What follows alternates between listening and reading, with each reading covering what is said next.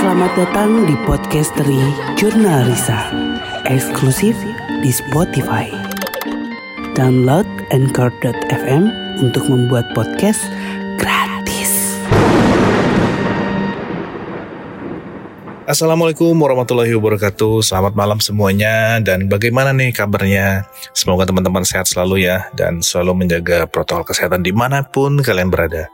Nah malam hari ini saya Jeffrey akan uh, bercerita di podcast dari Jurnalisa Tentang pengalaman-pengalaman seru Selama saya syuting dengan Jurnalisa Nah dari pengalaman-pengalaman ini Saya coba kumpulkan dan saya gabungkan menjadi 5 episode jurnalisa terseram versi saya. Wah, ini pasti uh, cukup menarik menurut saya pribadi ya karena selama saya syuting bareng sama jurnalisa, uh, saya pribadi, saya pribadi pasti pernah merasakan atau memiliki pengalaman-pengalaman yang memang tidak terlupakan selama syuting. Nah, apa aja itu? Kita mulai dari 5 yang pertama ya. Nah, nomor 5. Penelusuran episode yang 188 sama Mbah Mijan di sebuah pabrik kosong yang penuh sejarah. Di sini uh, dari awal saya datang, saya datang ke lokasi pabrik itu sudah mulai kerasa hawa-hawa yang seakan-akan mereka itu ingin menyapa, mereka itu ingin berinteraksi sama kami, sama saya. Cuman kita coba untuk tidak terlalu uh, memperhatikan itu, tidak terlalu fokus dengan interaksi mereka. Yang kita lakukan adalah fokus bagaimana syuting ini berjalan dengan lancar. Saat itu syuting uh, bersama dengan Bamijan dan Bamijan bersama tim kalau saya lihat saat itu melakukan uh, ritual ucapan uh, seperti kayak izin ya izin atau kulonyuwun dulu terhadap uh, penghuni-penghuni sana melalui media-media tertentu yang sudah dipersiapkan dan saya berada di satu ruangan yang memang uh, dulunya pernah dipakai oleh beberapa karyawan atau jadi pintu apa pintu masuk keluar masuk karyawan.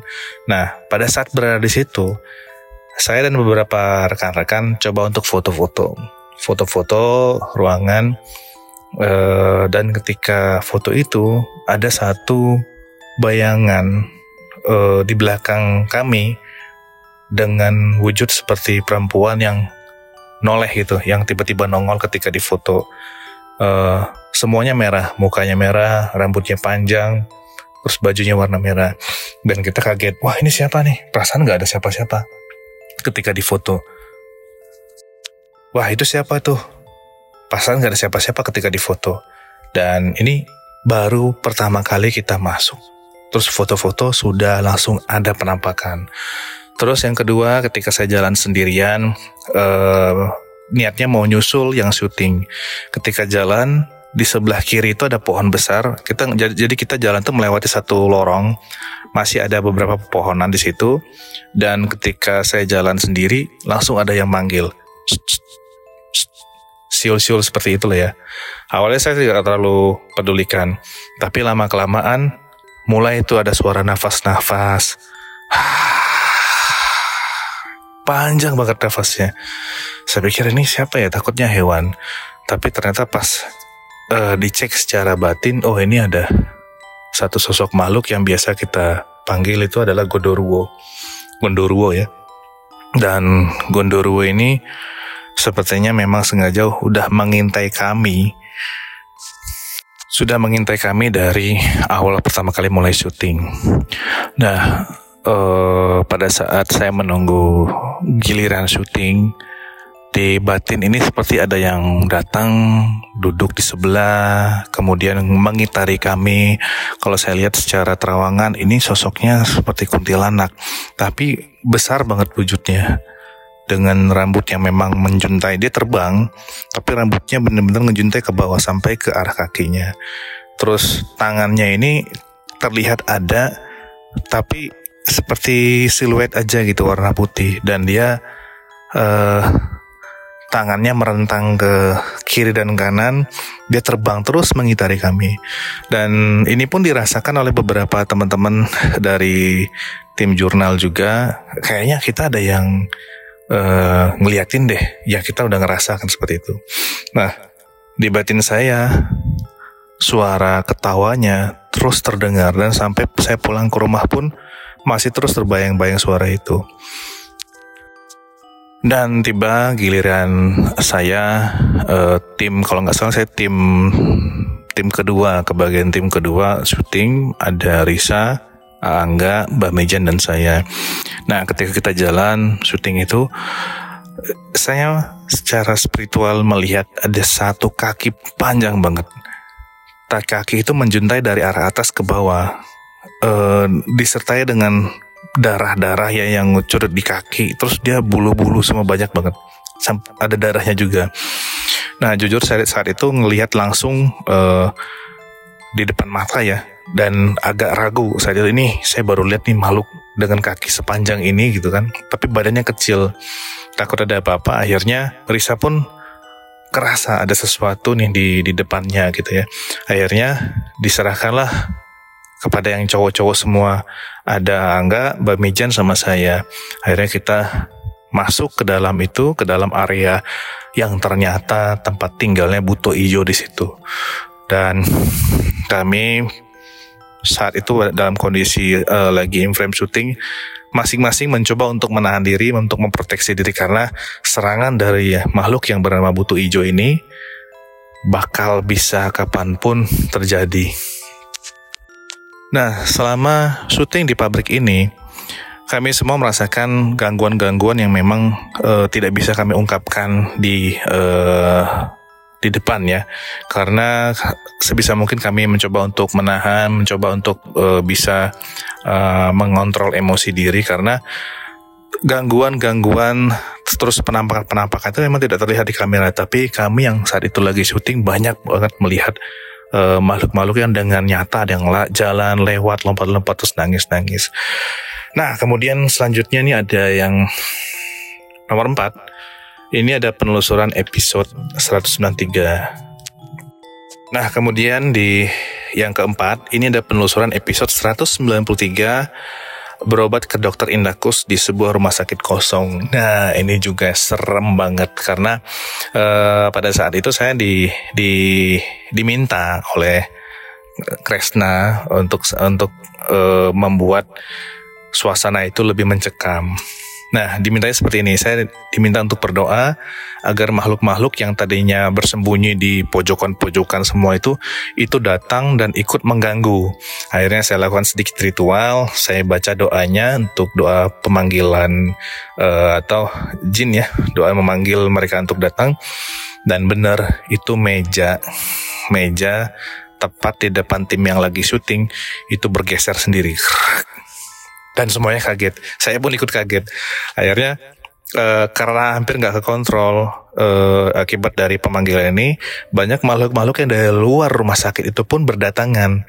Secara nggak langsung saya harus uh, membuat sedikit proteksi agar area syuting itu steril nggak sampai masuk banget makhluk-makhluk dari luar karena yang dari luar ini banyaknya dari korban-korban kecelakaan terus korban-korban yang memang meninggal di jalan nah selama di tempat rumah sakit ini, uh, saya banyak melihat orang-orang yang memang tanpa kepala dan mereka berjalan itu uh, seperti manusia yang sedang patroli. Tapi itu orang ya, dia jalan mendekati kita sedikit mau sampai 10 meter mendekati kita terus dia mundur pergi.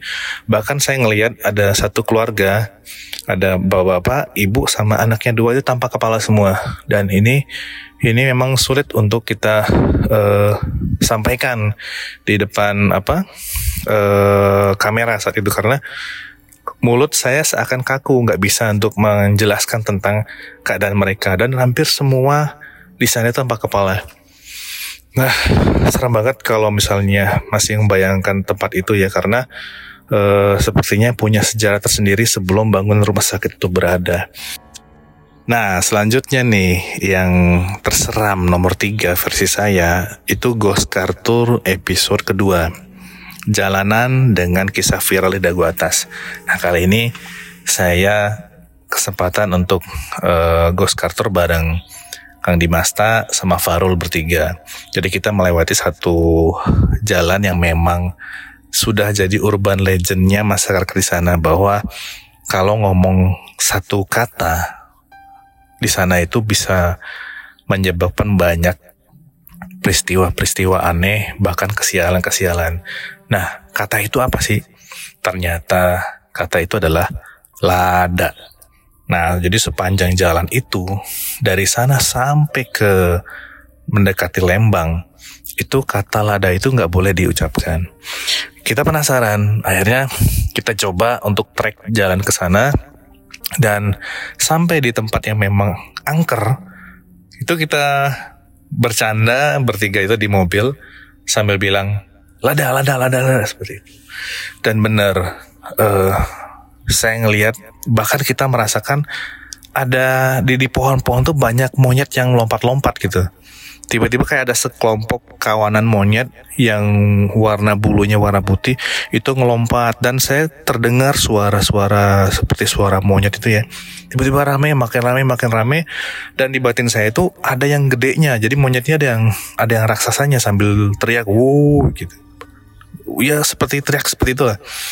Dan saya langsung gemeter karena kalau teriakan bangsa jin itu atau makhluk yang marah itu pasti akan nyerang secara batin. Nah ini yang membuat kita langsung gemeter, langsung deg-degan.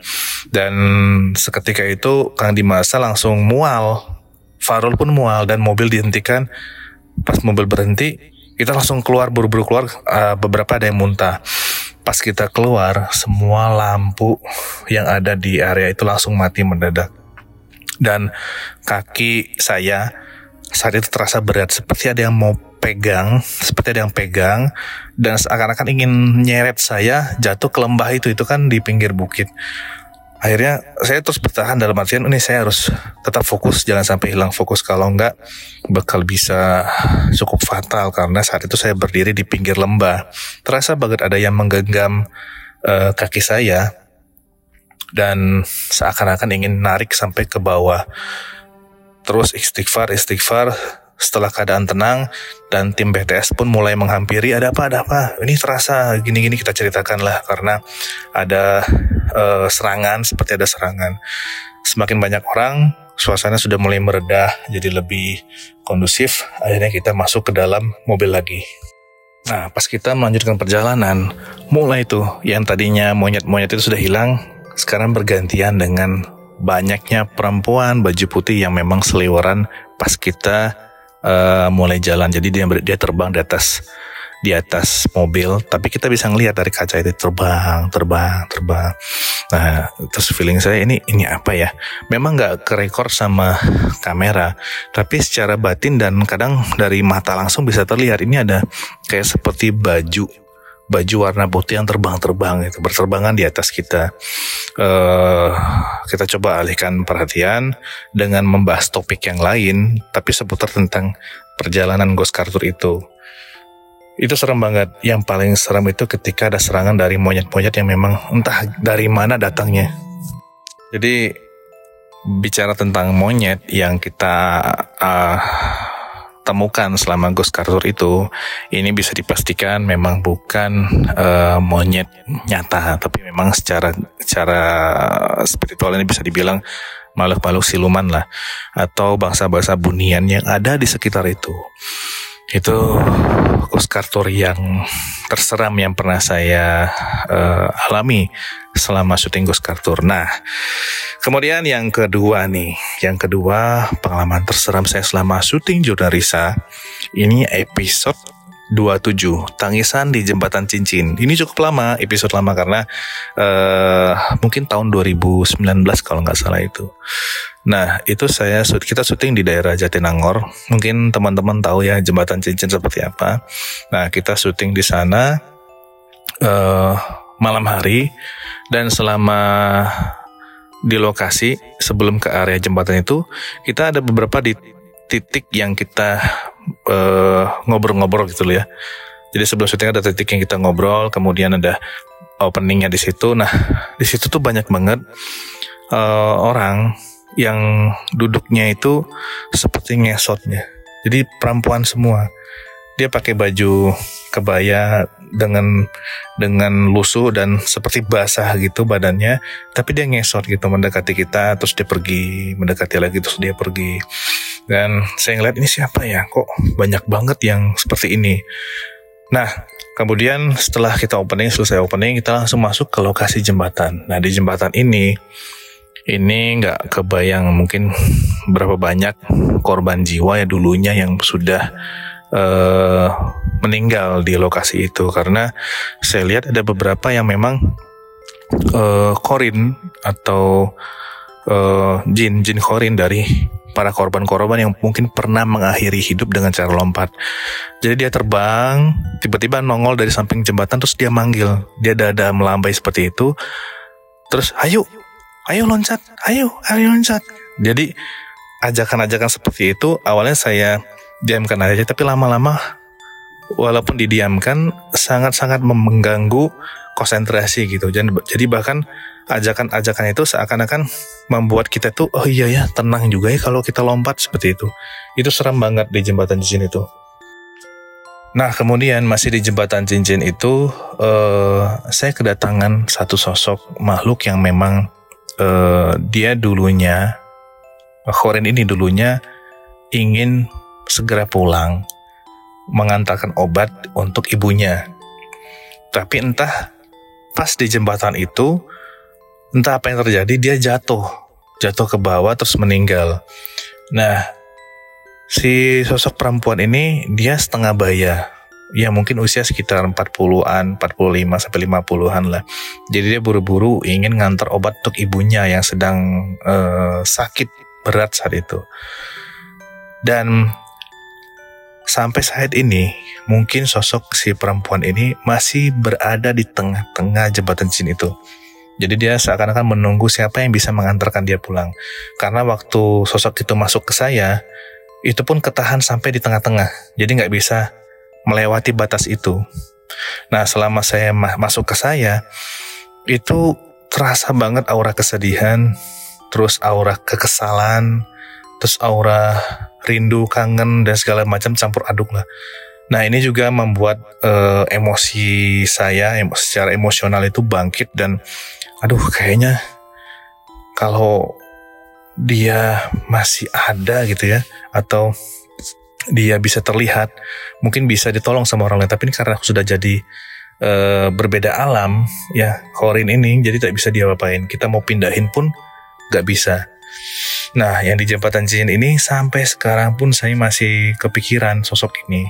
Dan ini juga masuk daftar 5 episode jurnalis terseram versi saya yang selama uh, saya syuting ini yang paling seram. Nah, dan yang terakhir dan terakhir ini yang menurut saya nomor satu yang terseram dan yang pernah saya alami selama syuting di Jurnalisa.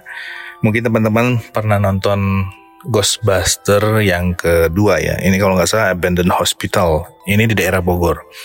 Nah, mungkin setelah saya bilang Ghostbuster 2 Abandoned Abandoned Hospital yang di daerah Bogor, teman-teman sudah langsung membayangkan bagaimana uh, keripuhan, kebubukan kita pada saat itu.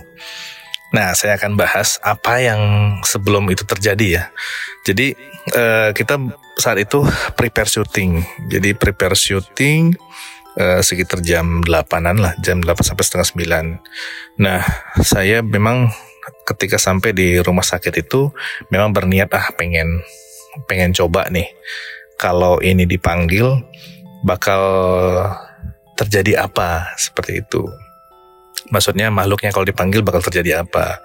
Akhirnya ketika uh, kami survei, saat itu ada saya, ada tim beberapa tim BTS, kemudian ada Pak RT juga. Nah, beberapa titik di lokasi rumah sakit itu saya taruh dupa, kemudian saya bacakan mantra untuk pemanggilan.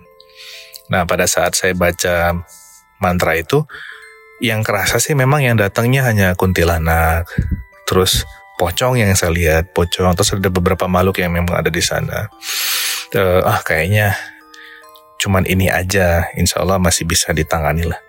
Kemudian titik yang kedua saya taruh juga itu kalau saya di daerah dapur. Ketika saya taruh di daerah dapur, kemudian dibakar, lalu dibacakan mantra. Nah, saya mulai agak kaget karena ada sosok kepala dan hanya kepala aja. Kepalanya sangat besar, besar banget. Jadi seperti baskom atau ember yang gede ya, bulat muncul dari dari ala luar.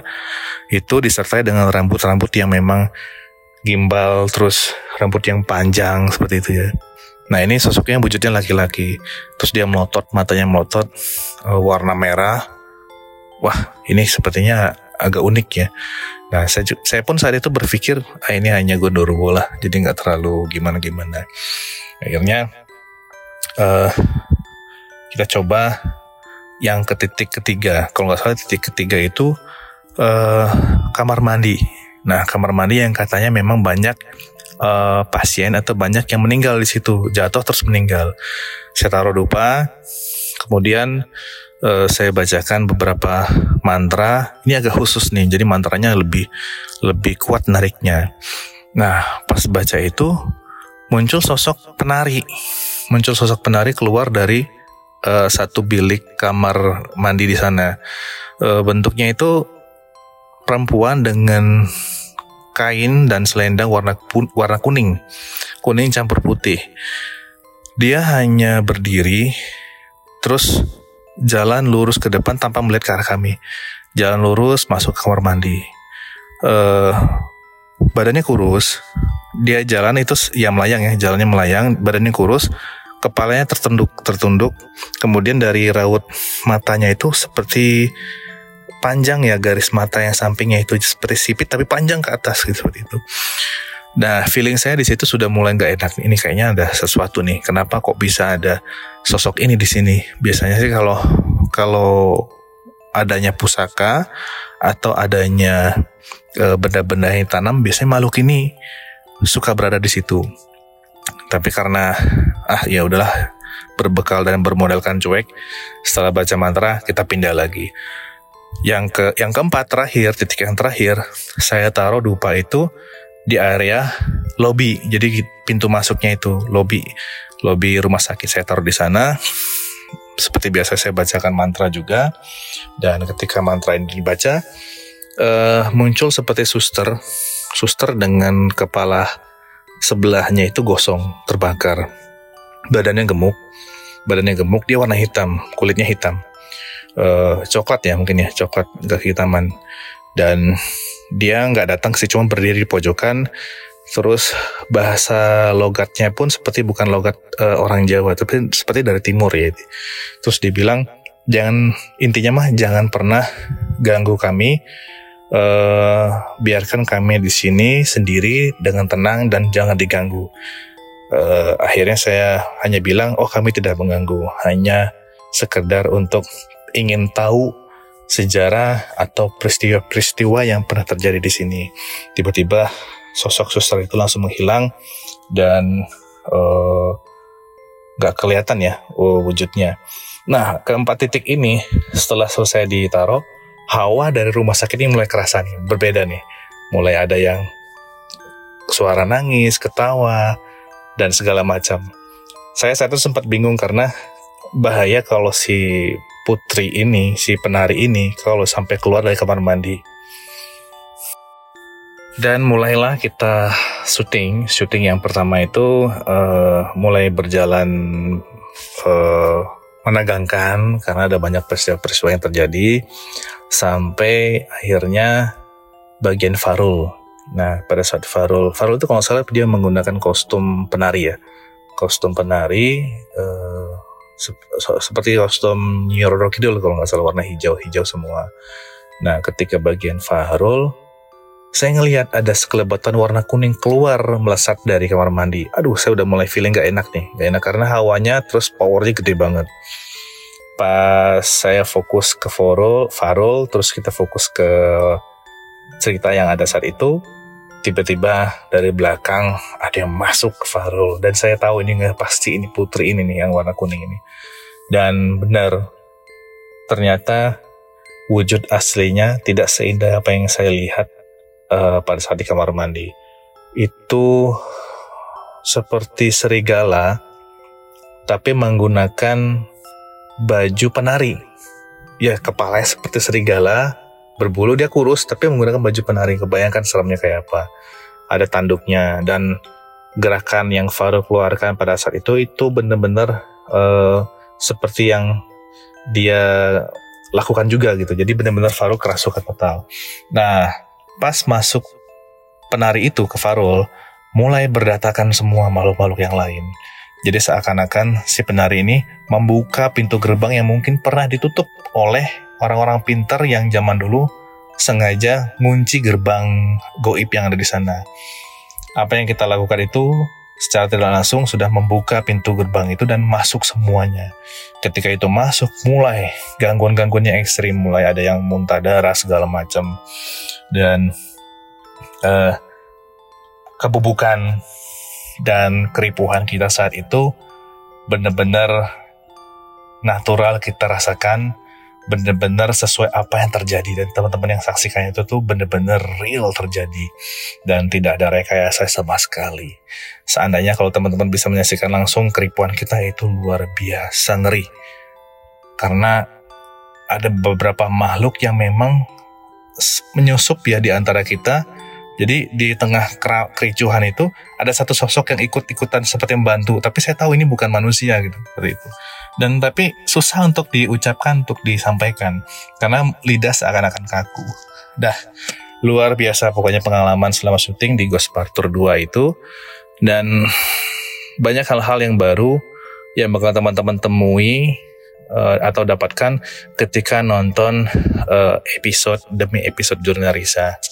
Nah, gimana teman-teman? Ini itu 5 episode terseram Jurnalisa selama saya syuting Jurnalisa versi saya.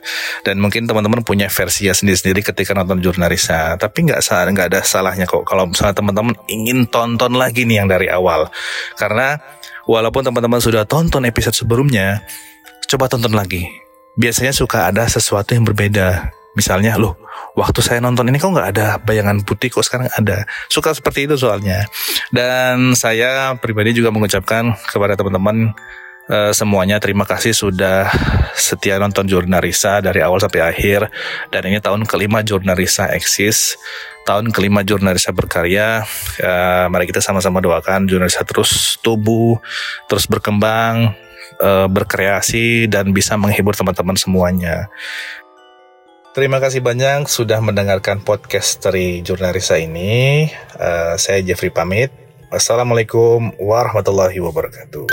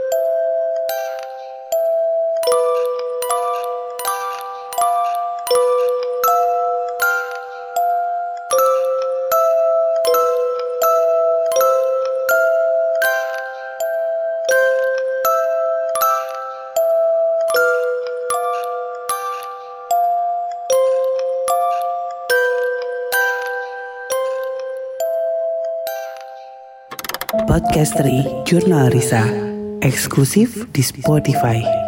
Download Anchor.fm untuk membuat podcast gratis.